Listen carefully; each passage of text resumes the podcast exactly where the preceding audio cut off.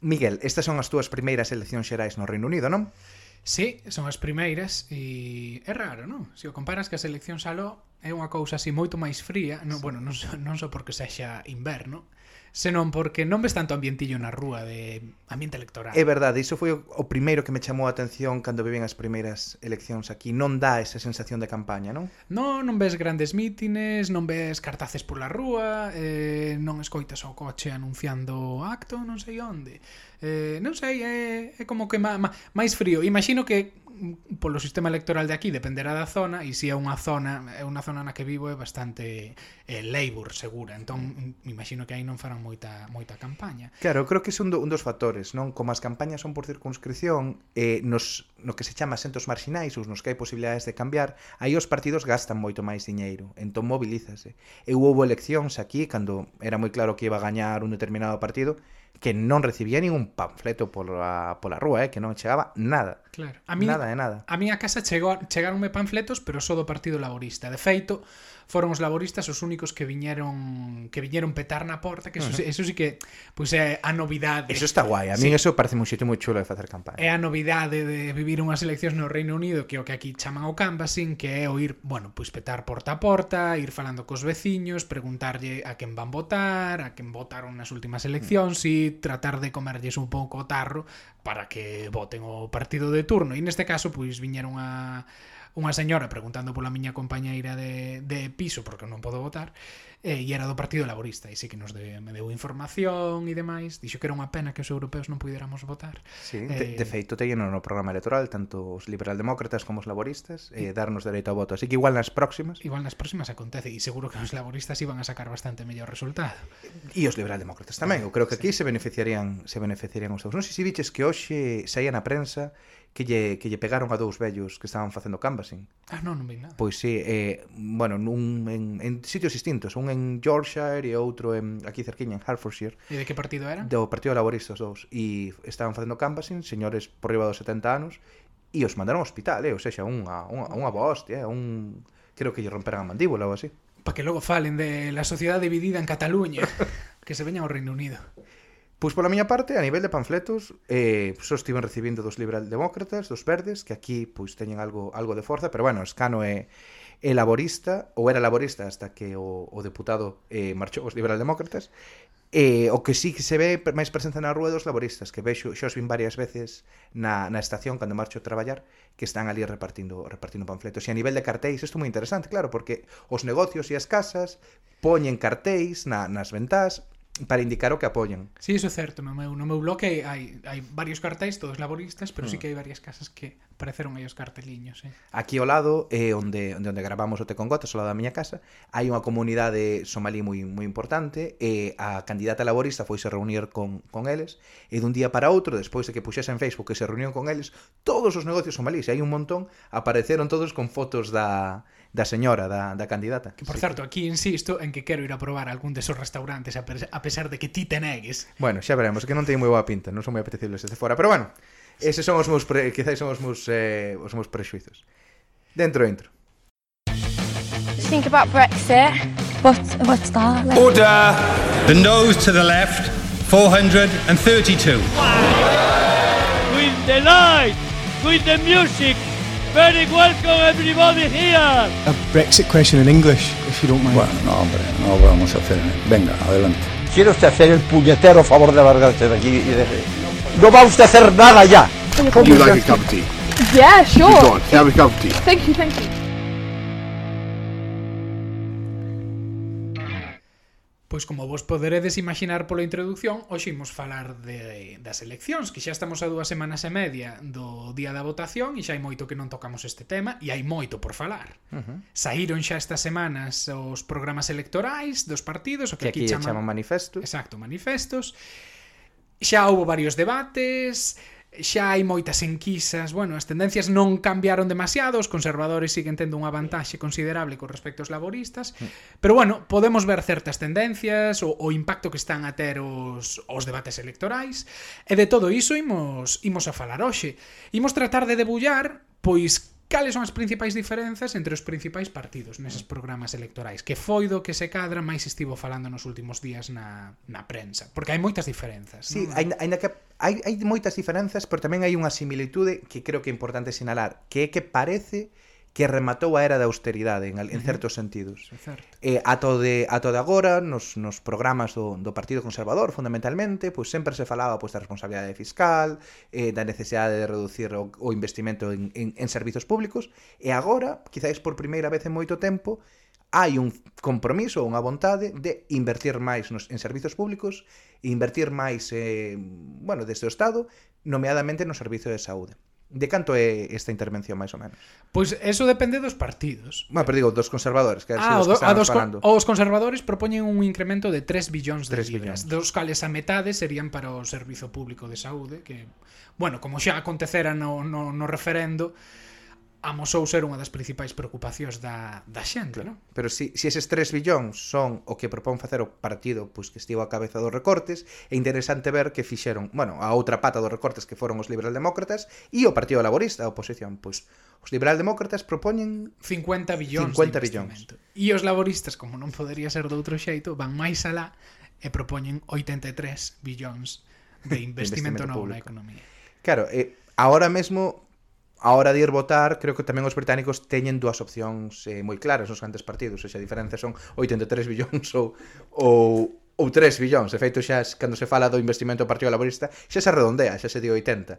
Pero claro, eses 3 billóns son todo o investimento que quere facer os conservadores. Claro. Entón, bueno, hai un unha forma completamente distinta de, de enfrontar a economía destes dous grandes eh, partidos. Claro, tamén eu creo que isto é un pouco un reflexo de por que están a apostar os diferentes partidos. Pois no sentido de que o Partido Conservador está orientando unha campaña máis centrada no Brexit, quero uh -huh. dicir o que venden e o que eles polo que eles apostan é porque esta sexa unha elección sobre o Brexit para uh -huh. para resolver isto, ir adiante co plan de Boris Johnson.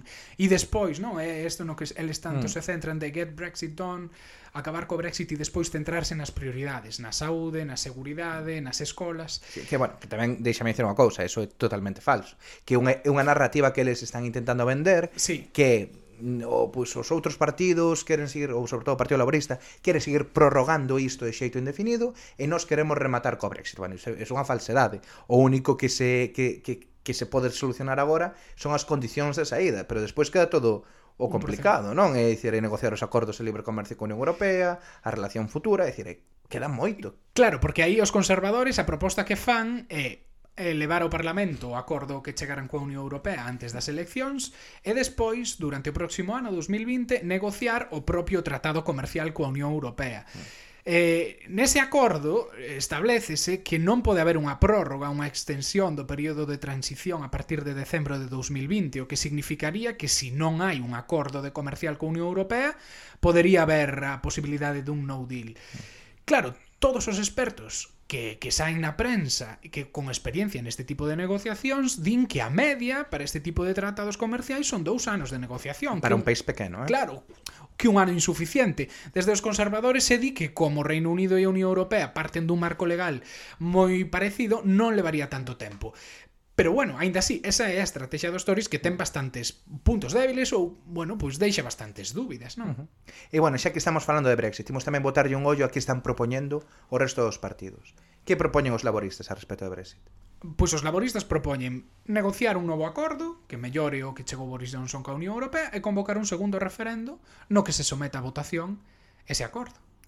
E aí habería a opción de votar polo acordo proposto pois, ao que chega o goberno ou quedar na Unión Europea. Exacto. Non habería unha opción de ser sen acordo ou outras outro tipo de, de opcións. É interesante que durante esta campaña pois meteronlle bastante presión a Corbyn para que se posicionase a respecto de que iba a facer el no caso de que, de que se dise esta situación. Iba a facer campaña polo acordo que el negociou ou ia a facer campaña por quedar na Unión Europea.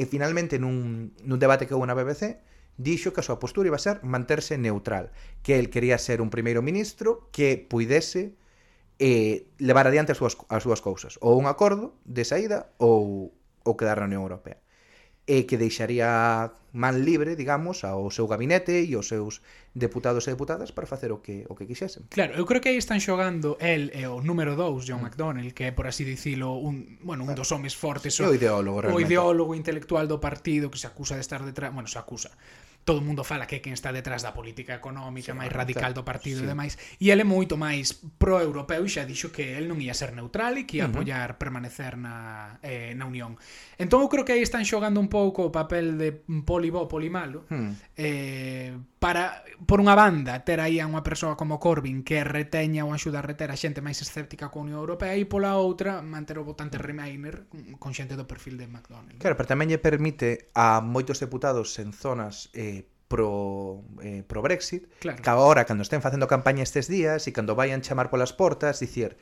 eu vou facer campaña por sair da Unión Europea baixo un novo acordo. Isto claro. tamén lles dá algo máis de flexibilidade pois a xente que, que ten que ir a facer a campaña en, non sei, en Bolsover ou en algún sitios as Midlands ou do, ou do norte de Inglaterra. Claro. é un pouco eso que ao que están xogando, a pesar de que tamén hai certa frustración en moitos remainers por jolín, este sempre está neutral, bueno. Claro. Pero bueno, agora vai, parece máis ou menos que hai que hai unha posición despois de moito tempo que con, con unha posición pouco clara. E o terceiro en discordia aos partidos nacionais eh, son os liberaldemócratas sí. que defenden sobre a cuestión do Brexit. Stop Brexit, stop Brexit, stop Brexit. Eh, non digo outra cousa. Eh, eu agora cando vin que tiñan outro manifesto e que iban invertir, pois pues, tamén me sorprendeu. Dixen, ostras, sí, é curio... foron capaces eh, de, de chegar a un a, a poñer un manifesto no que falan de outras cousas que non sexa de Brexit. É curioso porque a candidata a primeira ministra dos liberaldemócratas, Joe Swinson, eh, di que se gobernan van a paralizar Brexit. Mm. Non se sabe moi ben como, nin con que apoios no Parlamento, pero bueno, se gobernan van a paralizar Brexit e é curioso porque ese paquete de investimento de, de 50 billóns de libras que prometeron eh, bautizárono como eh, Brexit bonus. Sí, algo decir, así. É, é como unha especie de cousa de, bueno, non vai haber Brexit, pero eh, a cambio vamos a investir en servizos públicos. Sí, é moi curioso, non que haxa un bonus por manter o status quo. Isto creo creo que ah, os impostos e a economía non funcionan así. Claro, sí. Pero, indo máis alá do Brexit, non? Indo uh -huh. que son as propostas máis eh, de política interna, política económica, aí hai moito que falar, sobre sí. todo no caso do Partido Laborista que basicamente propoñen pois unha unha revolución non armada, pero unha revolución da unha política revolución do Reino tranquila. Unido. Sí, exacto, unha revolución tranquila eh, da política do Reino Unido desde os anos 80, desde os anos da outra revolución, a liberal, a de Margaret Thatcher. Uh -huh. Pois sí, a, A verdade é que ler o manifesto o programa do Partido Laborista é, é espectacular, é, é romper todos os consensos pois no que no que a nosa xeración se, se criou a respecto do papel do Estado na economía, a respecto do investimento. De entrada, hai toda unha redefinición do rol do Estado na, na propiedade de moitos de moitos servizos. Entón, a parte importante do manifesto fala de renacionalizacións Falase da nacionalización da auga, da renacionalización do ferrocarril, da renacionalización do servizo de correos, eh, da, de parte das, eh, das empresas enerxéticas, E eh, non sei, que non máis sei. iban a nacionalizar por aí? Se, non, non sei, non sei, non sei que máis ia expropiar, pero iba un montón de cousas. Ia dicir que non sei como andan as enquisas nos servizos da auga, electricidade, sí. pero no que é o ferrocarril é curioso saber que as enquisas que se fan eh, mm. a, a xente Mm, apoia masivamente, hai uns porcentaxes de apoio moi grandes a nacionalizar de novo o servizo de ferrocarril que antes era público, privatizouse sí. en pequenas compañías que hmm. compiten mm. entre sí por rutas e é bastante ineficiente. É moi Na custoso. maior parte das, eh, das nacionalizacións que propón o Partido Laborista hai un consenso moi amplio de que a xentes quere baixo control público. Uh, claro, é moi custoso, para que non viva no Reino Unido, mellor non o sabe, moi custoso, e despois a eficiencia do servizo en canto a retrasos é horrible. Hai retrasos e cancelacións cada dous por tres. É dicir, se tedes queixas da Renfe, eh, aquí é peor. Por lo menos pola, pola experiencia, pola experiencia que nos temos, non? Pois, bueno, eso, eso por unha parte, pero tamén é, non é só o papel do Estado, tamén é o papel dos traballadores na economía.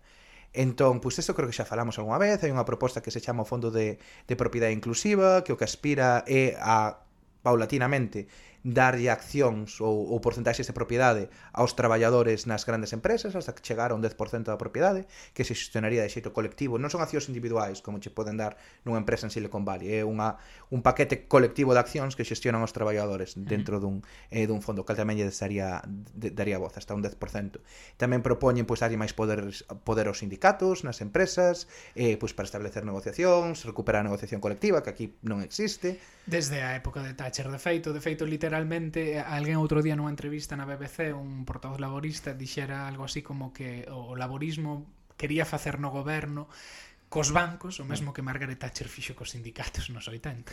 bueno, claro, é verdad, porque despois eh, hai tamén unha serie de propostas a nivel de impostos e de control do do sistema bancario que son importantes, pois hai subidas de impostos ás grandes fortunas, subidas de impostos ás empresas que tampouco son a locura, eh? estamos falando de subir os impostos hasta niveis europeos, non. Si, sí, o imposto de sociedades non... que propoñen é do 20 26%, non? 26%. Eh, bueno, falamos de casos como Alemania, nos que está o 30%, Francia 34% ou Portugal mm. 31%. Pero bueno, os Tories queren baixar ao Os Tories queren baixar, agora está no 19% e eles o queren baixar o 17%. Pois pues pois iso, que hai, hai moitas diferenzas en como xestionar a política económica. Despois tamén moi interesante do, do programa laborista toda a política de vivenda, que sí. queren, pois pues, deso xa falamos algunha vez, eh, volver a pensar deso público, darlle poder aos concellos para construir, construir máis de 100.000 vivenda pública, vivendas ao ano, e, eh, e poñer un control un control tamén de, de alugueiros, como Claro, es un tema es un tema moi sensible, sobre todo nas grandes cidades. Sí. A, a, os prezos da vivenda pois é un dos principais problemas do país mm. E a xente nova ten uns problemas espectaculares para acceder a, a propiedade ou para poder ah, pagar pagar un alugueiro cuns prezos medianamente decentes. Así vive ¿no? a xente en Londres hacinada, non? En claro, en casa sin salón e durante un montón de tempo. E que non teñas que dedicar o 40 ou 50% do teu salario a, a vivenda. Que non, non é unha exageración, eh, cando falamos do 40 ou 50, é dicir, unha persoa que este nunha situación eh, de, con un salario baixo, un salario precario, non ou vive realmente hacinado en, en habitacións compartidas, en casas compartidas, que reconvertiron o salón en, en, en, en, tres, unha, habitacións. en tres habitacións, sí. claro, e si, ten que acabar pagando unha, unha porcentaxe moi alta do seu salario sí. en, en Alueiro.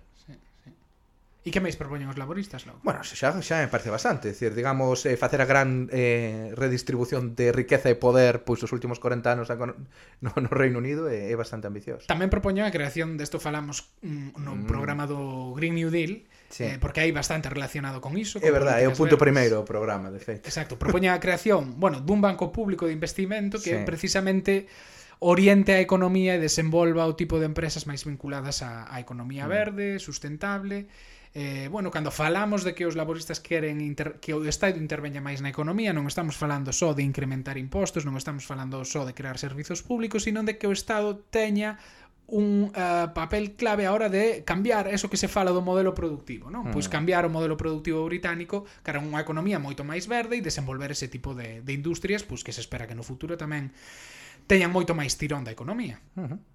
Pois aí estamos, máis ou menos eso é o, o Partido Laborista. Despois hai outras máis moitas máis cousas, de investimento no, no servizo de saúde, claro, en educación lógico, e tal, sí. a... As tip, os típicos cabalos de batalla da, da esquerda. Claro, pero quizáis eh, se queremos facer unha comparación con como están os partidos socialdemócratas no resto de Europa ou, ou no Estado español, isto é a gran diferenza. O cuestión económica claro. e o rol do, o rol do Estado. Pero é curioso porque eh, algo que falábamos antes, eh, se analizas os o nivel de investimento público ou de mm. peso que quere ter o Partido Laborista que o Partido Laborista quere que o Estado teña na economía británica se o comparas mm. con outros Estados europeos sí.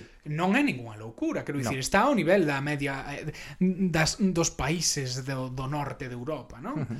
eh, por tanto non é non é ningunha revolución cara lo desconocido é simplemente que o Reino Unido parte dunha base, despois de, de todo o proceso de privatización e liberalización da economía dos últimos 30 anos, parte dunha base moi baixa, é dicir, o estado do benestar no Reino Unido e, e a, a intervención do Estado na economía é moi reducida en comparación pois co que pode ser España. En, moitas, en moitos casos xa non falemos do que pode ser Dinamarca ou Alemanha, que serían economías máis similares incluso ao que pode ser a economía británica.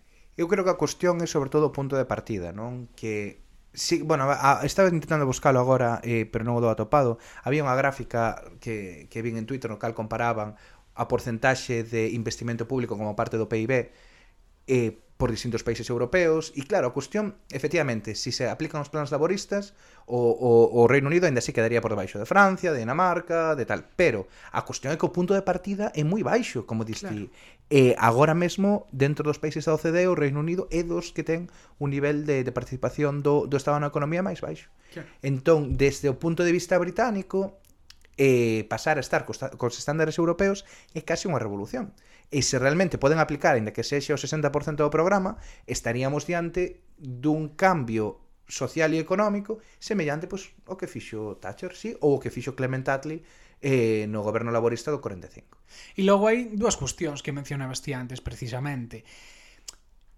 Incurrir nesta débeda, incurrir neste déficit, faise coa idea de que isto vai ser un investimento, no sentido de que o mm. Estado durante os próximos anos vai ter que facer un investimento moi grande porque isto no futuro vai traer beneficios. Non é unha cuestión de que permanentemente o Estado vai a incurrir nun déficit estructural para pagar máis enfermeiras e máis eh, traballadores públicos, máis servizos públicos, non. É unha idea, podes estar de acordo ou non, pero unha idea de que este investimento público no futuro traerá a súa recompensa e que un investimento que agora sí que vai supoñer, pois, contraer unha débeda, pero que no futuro pois compensará.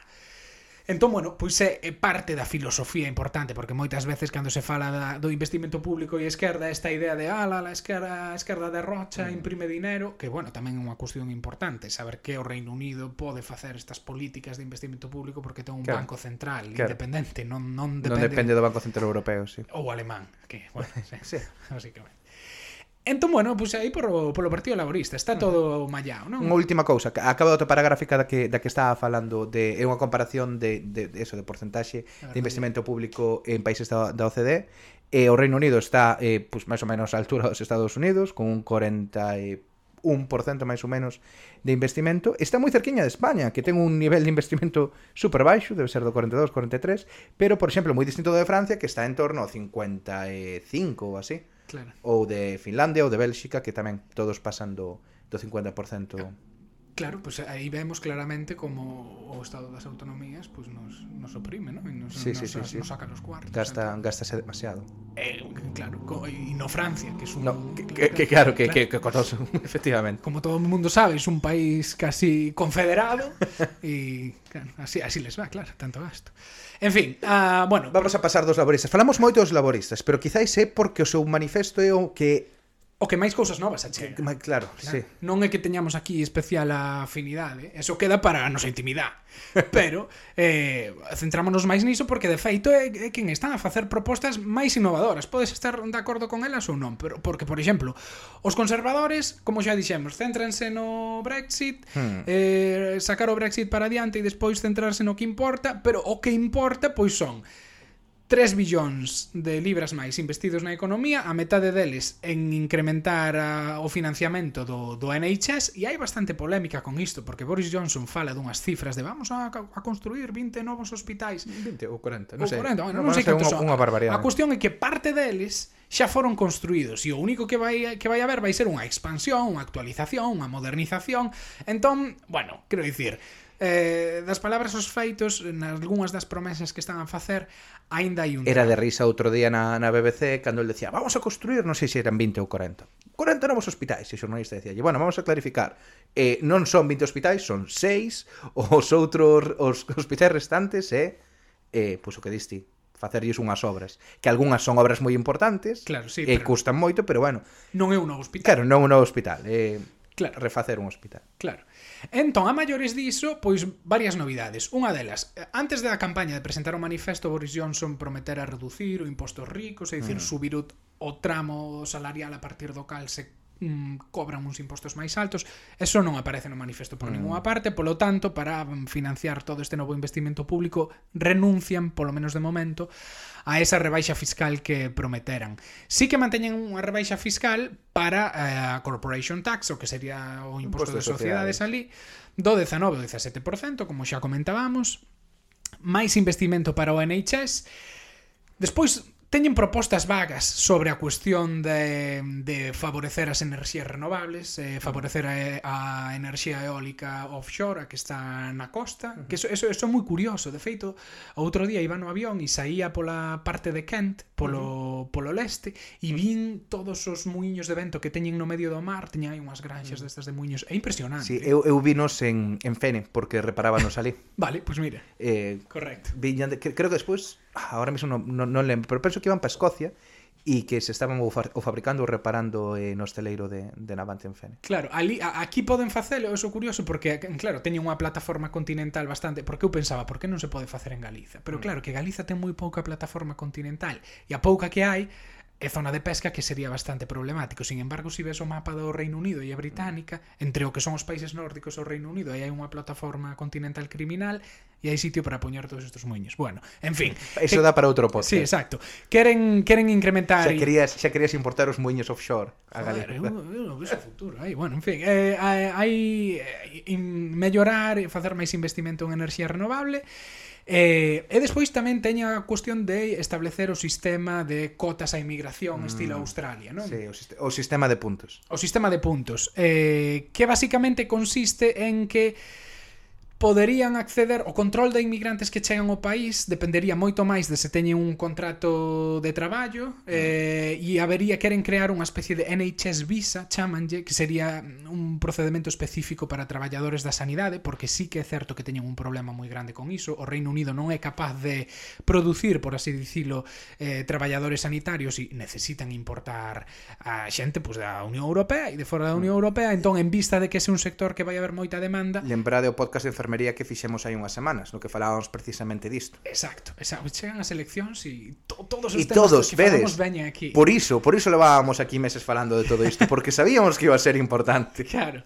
Eh, e, e basicamente Hai, eh, eh, eh, iso é todo no, no programa do Partido Conservador chamou a atención na prensa que era un programa bastante frouxiño e que era un programa pois, que se centraba na idea de sacar adiante o acordo do Brexit de Boris Johnson pero que tampouco achegaba achegaba nada máis. É certo que en moitas cousas, pois para o Partido Conservador, eh, lía un artigo hoxe no The Guardian sobre todas as políticas de, en materia de enerxías verdes que propoñían e falaban do contradictorio que era algunhas propostas que facían despois destes anos no goberno nas, nos que non fixeron nada, non? De feito había bastante polémica con unha regulación que tiñan da, da enerxía solar que puña bastantes trabas a, a iso, a pesar de que se, se no Reino Unido vense máis placas solares do que se poden ver en Galiza, que algo sí, que me sorprende. a pesar sorprende. de que en algúns sitios tres, tres horas é solo. Ah. Claro, non sei, non sei que rendemento pode dar iso, pero bueno, eh, que claro, bueno, pues, eh, sempre é máis fácil ou máis difícil neste caso facer segundo que propostas cando levas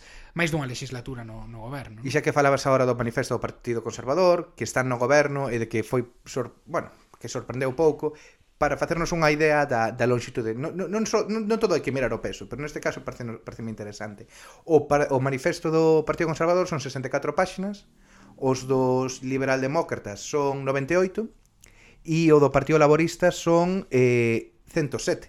Entón, bueno, realmente hai hai diferencia polo menos no que se escribiu. O tamaño importa, non? Ah, en algúns casos sí. Casos, falemos de si falamos de programas ou de investimentos. Sí. Despois claro, despois como se usa o tamaño xa depende, non? Eh, Pero claro. bueno. en fin, eh bueno, liberaldemócratas. Liberaldemócratas, sí, e a outra pata da austeridade eh durante sí. o goberno 10 2015. Están lle dando moita moita caña eh, eso a Joe Swinson nas, nas entrevistas, eh? Con, eh, co, co súa experiencia no goberno de coalición claro, con David Cameron. Houbo, durante o, o debate na BBC, eh, houbo un tweet do, do líder do Partido Laborista en Escocia que a mí fixo moita gracia, que dicía, dío que queiras de Joe Swinson, el líder dos liberal demócratas, pero ten máis experiencia de servir nun goberno conservador que Boris Johnson. Porque claro, el foi eh, ministra junior, o que aquí o que alá sería como un director xeral, un secretario xeral, algo así. Sí eh, durante o goberno de coalición. Uh -huh. eh, pero bueno, eso, vamos a, a dicir que que propoñen. E eh, o principal punto era o que falábamos de Stop Brexit. Teñen a, a outra parte de que desta volta sí que van a apostar por un investimento maior na economía, pois de falábamos dos 50 50 billóns de, eh, de libras, que tamén iba a ir moito pois para o NHS, iba a ir moito para eh, para educación, para contratar novos profesores, pero bueno, así se falamos de, pois pues estamos falando de cousas máis innovadoras, non? Hai unha cousa que a min sí que me parece interesante do seu, do seu manifesto. Unha parte importante, pois o que falan é de, de, de afrontar o cambio climático e a crise climática, e unha das propostas que fan e poñer un imposto para viaxeiros eh, frecuentes de eh, aéreos, bueno, de, de avión. Entón isto é unha proposta que xa levaba tempo por aí eh, por aí rulando, e e que, bueno, co cal eu son, bueno, Greenpeace apoia, apoia nas distintas organizacións sí. ecoloxistas, é unha proposta pola cal, en vez de pagar unha, unha taxa fixa, un imposto fixo, é un imposto proporcional a cantos avións collas a, ao ano. Entonces, canto máis collas, máis pagas.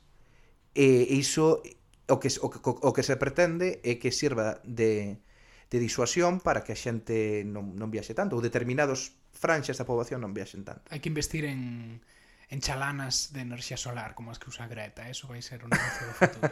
bueno, está por ver como como como atraca está, está por Greta, ver como ¿no? chega. Como chega Greta.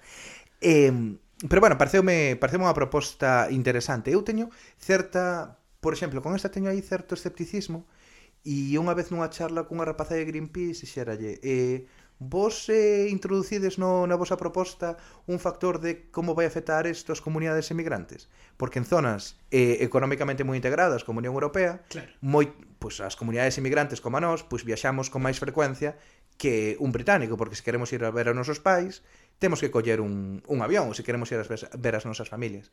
entonces ele dixo, ah, pois non, eso non o non introducimos no factor. Dices, bueno, pois igual, igual o podíades, o podíades pensar, porque o, o fontaneiro polaco que vai con máis frecuencia a Polonia que o fontaneiro británico, neste caso lle estás eh, tasando máis ou como se si fose un, sí. unha persoa que colle un avión privado cada dúas por tres non, Podía non sei. entender máis se a tasa é para as business class, por exemplo mm, Sí, pero, pero... bueno, é dicir que a priori non me parece mal a idea de, de, de que isto sexa unha tasación progresiva sobre todo porque hai pouco li unha estadística que dicía que a maior parte dos que o 50% da poboación ou algo así collía un bo ano ou unha cousa así. Ajá. Entonces que o, o gordo dos bos colleos como un 15% da eh, da poboación. Entón sí que entendo que podas querer eh, tasar iso, pero bueno, hai que ter en conta tamén as comunidades emigrantes. Claro. Perdón, que aquí acabo é o meu momento así de, de no, reflexión no. sobre isto. Eh, e que outras propostas teñen? Queren legalizar o, o cannabis? Esa, esa era clásica, eu lembro-me cando era adolescente que era a clásica proposta que levaba a Esquerda Unida en, naqueles tempos nos que Yolanda Díaz loitaba por superar a barreira do 5% sin moito éxito eh, e lembro que os meus amigos de os meus amigos do barrio así míticos que non estaban moi polarizados dicían moi politizados dicían oh, vou votar a Esquerda Unida que queren legalizar a marihuana claro, e ahora, claro. bueno, e ahora Yolanda vai para ministra Sí, sí, la, la, las vueltas que da Galicia. Las vueltas que da... y non sei, non sei se propoñerá legalizar bueno, o, o cannabis. Sí. sí. E, bueno, quizáis esas son así as propostas das que máis se falaron. Como, como dicíamos ao principio, o gordo desta campaña para os liberaldemócratas vai en torno a, a parar o Brexit. En iso está. Sí. Que máis? Que de, que, oh, preguntaredes. No, logo non hai outros partidos. Sí que os hai. Pero este podcast ten eh, tempo limitado e non queremos falar nin do Brexit Party nin dos verdes. Porque como moito van a ter dous deputados entre os dous. Entón, bueno, tampouco nos parecía aí tan, tan relevante. Se cadra sí que interesante mencionar eh, o, o, o tema de Escocia, eh, Vale. Eh, pola, pola relación que hai co conflicto nacional en España e pola importancia que o Scottish National Party ten tamén no, no Parlamento. Sí, que vai ser o terceiro partido. Claro, eh, o Scottish National Party é eh, unha das promesas que ven facendo últimamente que quere que quere convocar un segundo referendo de uh -huh. independencia. Eh, o Partido Conservador xa dixo que se negaba a iso. Uh -huh Non sei que postura ten os liberaldemócratas, a verdade, sei que Joe Swinson fora bastante contraria a... Ela, de feito, escocesa. Joe Swinson, escocesa, sí, sí. sí. Fora bastante contraria a...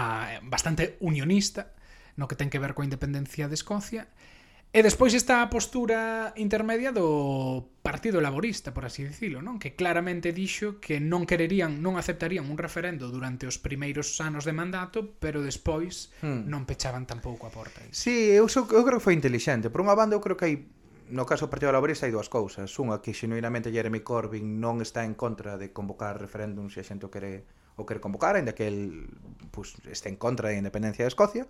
E despois hai outra cuestión, que no caso, pues, ah, é moi difícil que Corbyn saque unha maioría absoluta. Entón, se ten algunha posibilidade de chegar ao goberno, pois vai a ser con acordos con outros partidos. E non é descabellado que se tes que chegar a algún acordo co Scottish National Party, que che aperte así un pouco para que pois, acabe apoiando o referendo de independencia. Claro. Pero bueno, entón no, no programa que pon que nos primeiros anos non. O Scottish National Party eh, tamén dixo, eh, o que pasa que isto non sabemos mm. ata que punto vai ser un compromiso ferre ou mm. forma mm. parte da, da campaña electoral, que condicionarían o seu apoio a un posible goberno de, de Corbyn dos laboristas a que eh, o goberno renunciase á renovación do eh, Trident, que basicamente, eh, bueno, escríbese Trident, así mal pronunciado, é basicamente un sistema de defensa británico de armas nucleares, polo cal sí hai son, son, son, son submarinos nucleares que sí. andan por aí preparados para soltar pepinazos en caso de guerra nuclear. Eu le, que, e a base que, teñen en Escocia. Claro, creo que son catro submarinos, tres están permanentemente en Escocia, na base de Escocia, e logo hai un que anda merodeando polo mundo adiante mm. con 40 cabezas nucleares e en caso de que haxa que usalo, pois, pues, oye, estamos máis cerca, non? Mm. Entón, a cuestión é que eh, este programa comezou nos anos 80 con Margaret Thatcher, mm. xa está bastante obsoleto e agora queren facer unha, un novo investimento para renovar a flota de mm. submarinos. Mm. Eh, bueno, eh, sería un investimento bastante importante e os escoceses pues, non queren ter aí armas nucleares mm. almacenadas no seu, no seu país. E inter... Eso meter bastante o dedo no ollo a Corbyn, porque Corbyn é un histórico eh, activista anti-armas nucleares.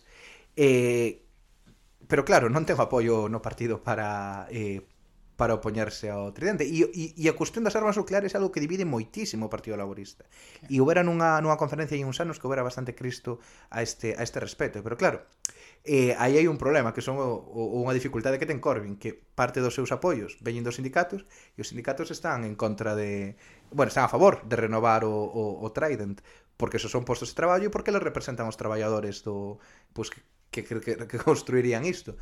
Así que non o ten nada fácil pois, para ter consenso dentro do seu propio partido para apoiar eso, a pesar de que E pois eso, están contra as armas nucleares. E que agora que precisamente falamos de futuro primeiro ministro e armas nucleares, é moi curioso porque no Reino Unido cando chega un novo primeiro mm, ministro mm, carta. a Downing Street, mm. ten que escribir unha carta, como como era, escribe unha carta eh, para que o capitán do submarino que anda circulando por aí, en caso de que no en Londres eh, non haxa poder executivo en, por sí. caso de guerra, ataque nuclear ou o que sexa, nesa carta aparece que o que ten que facer sí. o capitán do submarino, non? Claro. E entonces aí hai varias opcións eh, clásicas. Unha é responder, é dicir, si, si se perden as comunicacións por Londres, eh, pois que, que, que houve un ataque nuclear en Londres, entón, eh, se houve un ataque nuclear, tens que responder, é dicir, bombardear Rusia. Eh, outra que non facer nada, e outra é pasar ao poñerse ao servizo do, dos aliados ou do seguinte aliado que sexa Estados Unidos ou quen ou quen quede ao mando da, da coalición da coalición dos países aliados. E non se sabe que o que di o primeiro ministro. Non, creo secreto. creo creo lembrar que o único que dixo o que puxera foi James Callaghan, un deputado un laborista, laborista dos anos 70 que creo que dixo que non, que que era non responder. Pero non non me fagas moito caso, eh. Hmm. Pero penso que houbera un que sí que dixera o que eh. Ou igual foi Wilson, bueno, non sei. Son esas curiosidades da, da política mm. británica que Bueno, cando chega un novo primeiro ministro é, das, é un tema dos, recurrente. das primeiras cousas que fan. Sí. E outro día estaba escoitando un, nun podcast un, en, en The Times, unha entrevista con David Cameron que dixera que cando escribira esa, esa, esa, esa carta que despois cando estaba dando pues, que, que quedara mal cerrada e que se abrira. Que dis, joder, tanto secretismo. en fin. Bueno, quen vai ganar as eleccións, Miguel? Miguel? Pois eso me gustaría saber a min porque me faría de ouro. Eh, pois a ver, eh, o que din as enquisas agora é que quen está en cabeza a nivel nacional en intención de voto é o Partido Conservador, un pouco na liña, bueno, na mesma liña do que faláramos no mm. último podcast que falamos de eleccións, a situación e así, mm. seguen a, con 12 puntos de vantaxe sobre sobre os laboristas, pero lembrade que no Reino... Doce enteiros, sí. sí. Ah, de feito, creo que algo máis.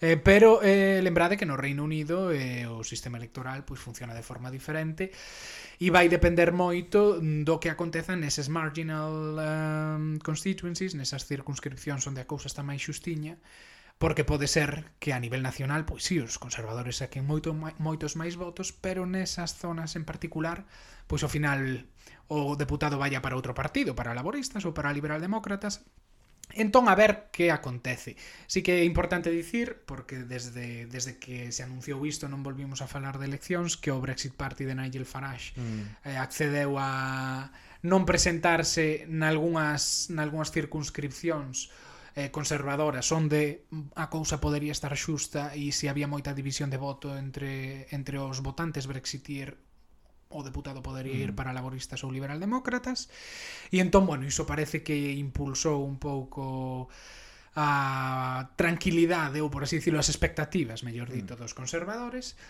pero pero bueno, está está todo no aire, non? Son unhas diferenzas similares ás que había nas últimas eleccións de 2017, nas que ao final os Tories non lles foi tan ben. Hmm E despois está o factor tamén da, da nova onda de rexistros que está que está habendo, non? 3 millóns de persoas. Eh... Sí, que se registraron para votar, posiblemente un millón deles eh, sexa xente que se está registrando dúas veces, eh, pero... o que, para confirmar que, que están ben registrados, pero pode ser un predictor da participación e si, se, si a tendencia parecida de 2017, máis participación a quen beneficia é o, ao Partido Laborista, sobre todo porque a participación nova, claro. que son tenden a, a querer votar laborista, eh, ou Lib Dem. Bueno, no, laborista ou verde. Lib Dem é máis entre xente de 30 para arriba ou 30, entre 30 e 40. Eh, laborista ou verde. Eh, pero tamén hai unha cuestión, e se miras as enquisas é interesante. O gordo da subida do Partido Conservador eh, fíxose a raíz da, da caída do, do Brexit Party, non? Entón, cando se convocaron as eleccións, o Brexit Party ten unha intención de voto do 11%, e hoxe ten unha intención do 4,4%. Entón, este esta baixada do Brexit Party pois pues, beneficiou o partido o Partido Conservador. O Partido Laborista tamén subiu eh, nas enquisas, pasou dun 25% cando se convocaron as, as enquisas a un 29 casi un 30, é dicir, subiu preto de 5 de 5 puntos. E iso colleu uno a raíz da caída que en intención de voto que están tendo os liberal demócratas, que é moito menos pronunciada que a do Brexit Party, pero non levanta a cabeza tamén cando a xente máis ve de Joe Swinson máis aumenta a impopularidade dela sí. e tamén a, a medida que se acerca o día das eleccións máis xente que igual quería votar de xeito de castigo aos liberaldemócratas está volvendo a votar laborista e eu agora que sí que vou facer unha predicción creo que nas próximas semanas vaise pechar un pouquiño máis o a diferenza entre conservadores entre conservadores e, e laboristas. Por que? Eh, as últimas tres enquisas dan unha certa subida ao Partido Laborista. Creo que se si miramos os datos da maior parte das enquisas, din que hai máis indecisos ou hai máis indecisión en votantes laboristas das eleccións anteriores e sempre é máis fácil gañar a alguén que che votou antes que a un votante de outro partido. Uh -huh. Entón, a medida que a xente vai dicindo o seu voto, creo que iso vai vai beneficiar os laboristas porque a maior parte dos conservadores xa decidiron o seu voto. E entón creo que se vai a pechar o a diferenza. Non sei por canto, pero creo que se vai pechar a diferenza. Sí, a mí que sor... non vamos a ir ao día das eleccións con 12 puntos. A min sorprendeume o que dicías de Joe mm. Swinson de canto máis sabe xente dela, peor imaxe ten. Mm. Eh, sorprendeume no, no, no debate electoral da BBC, creo mm. que foi.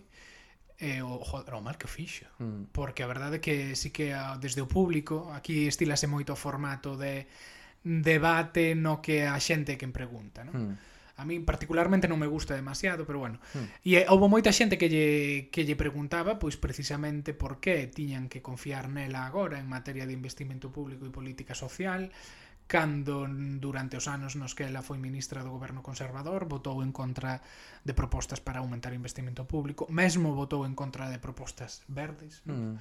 E a resposta que daban eran así un pouco vagas, de, bueno, iso aconteceu antes, pero agora cambiamos, pero non acabas de dar sí. unha resposta consistente de e por que non vas a cambiar dentro de dous días, ao uh -huh. contrario. Entón, si, sí, eu creo que neso tiste razón, canto máis se coñece ou canto máis se expón, uh -huh. peores resultados poden levar os liberal-demócratas. Uh -huh. Pero bueno, está por ver, 12 de decembro. Aí aí sairemos de de dúbidas. Quedan aínda un par de debates, non? Pois creo que sí, sei que Boris Johnson cancelou a participación no este Channel domingo 4, no, no, sí. de, no de Channel 4 porque iba a ser sobre cambio climático e dixo que non, que... non se atreveu. sí. eh, pero... Que diría do alcalde do alcalde verde, non? Sí. Puxos bicicletas en Londres. As voltas que dá vida. Sí. Eh, Debe haber, sí, eu creo que hai algún par máis. Sí, pode ser. Días. Eh, pois nada, eh, isto foi eh, foron as eleccións. Imos pedir, bueno, imos forma, pedir. Ainda, ainda queda. Sí, bueno, ainda o noso, o noso, pero si, sí, en dúas semanas. Ah, bueno, claro, imos igual facemos un especial de eleccións, non? Home, no, eh, o propio as eleccións son en xoves. Sí. Entón eu creo que o propio vai ser, isto ainda é un anuncio sin anunciar ou en diferido ou como que irades entendelo, aínda non está claro, temos que decidilo aquí no Comité Central de Tecongota se vai haber especial o día seguinte, mm. pero pode ser. Pode, pode ser que sí. En función das axendas.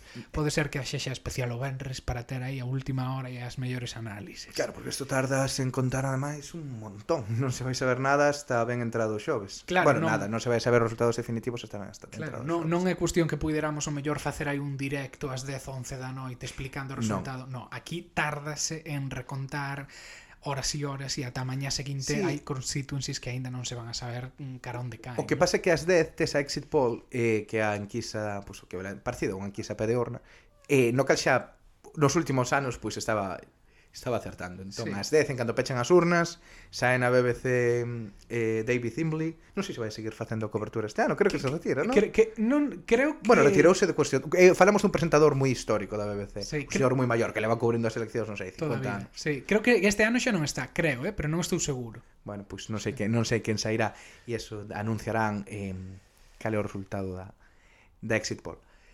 E, Ias comentar antes unha cousa Imos pedir o voto e Imos pedir o voto, era o que iba a preguntar claro, É verdad Porque nos medios do Reino Unido eh, A min eso... Nos periódicos, eso pídese nos periódicos Certo, sí. na prensa, a televisión non A min eso chamarame moito a atención Os medios de comunicación piden o voto por, sí. polos partidos E non son tan militantes, quero dicir No sentido de que ten habido cambios Ah, sí, hai, ah, bueno, hai medios que cambian e medios que non cambian. Por exemplo, Daily Telegraph, un buen empregador, non cambia nunca. Jamás. The Guardian cambia. The Guardian cambia. Chegou sí. a pedir o voto polos liberaldemócratas. Oscila entre liberaldemócratas, laboristas, pedir o voto táctico. Sí. sí. The ¿Qué? Guardian cambia. O Daily Mirror non cambia nunca. Sempre son Creo, sempre... No, laboristas. La... Ah, o Daily o Mirror. Daily Mirror. Correcto.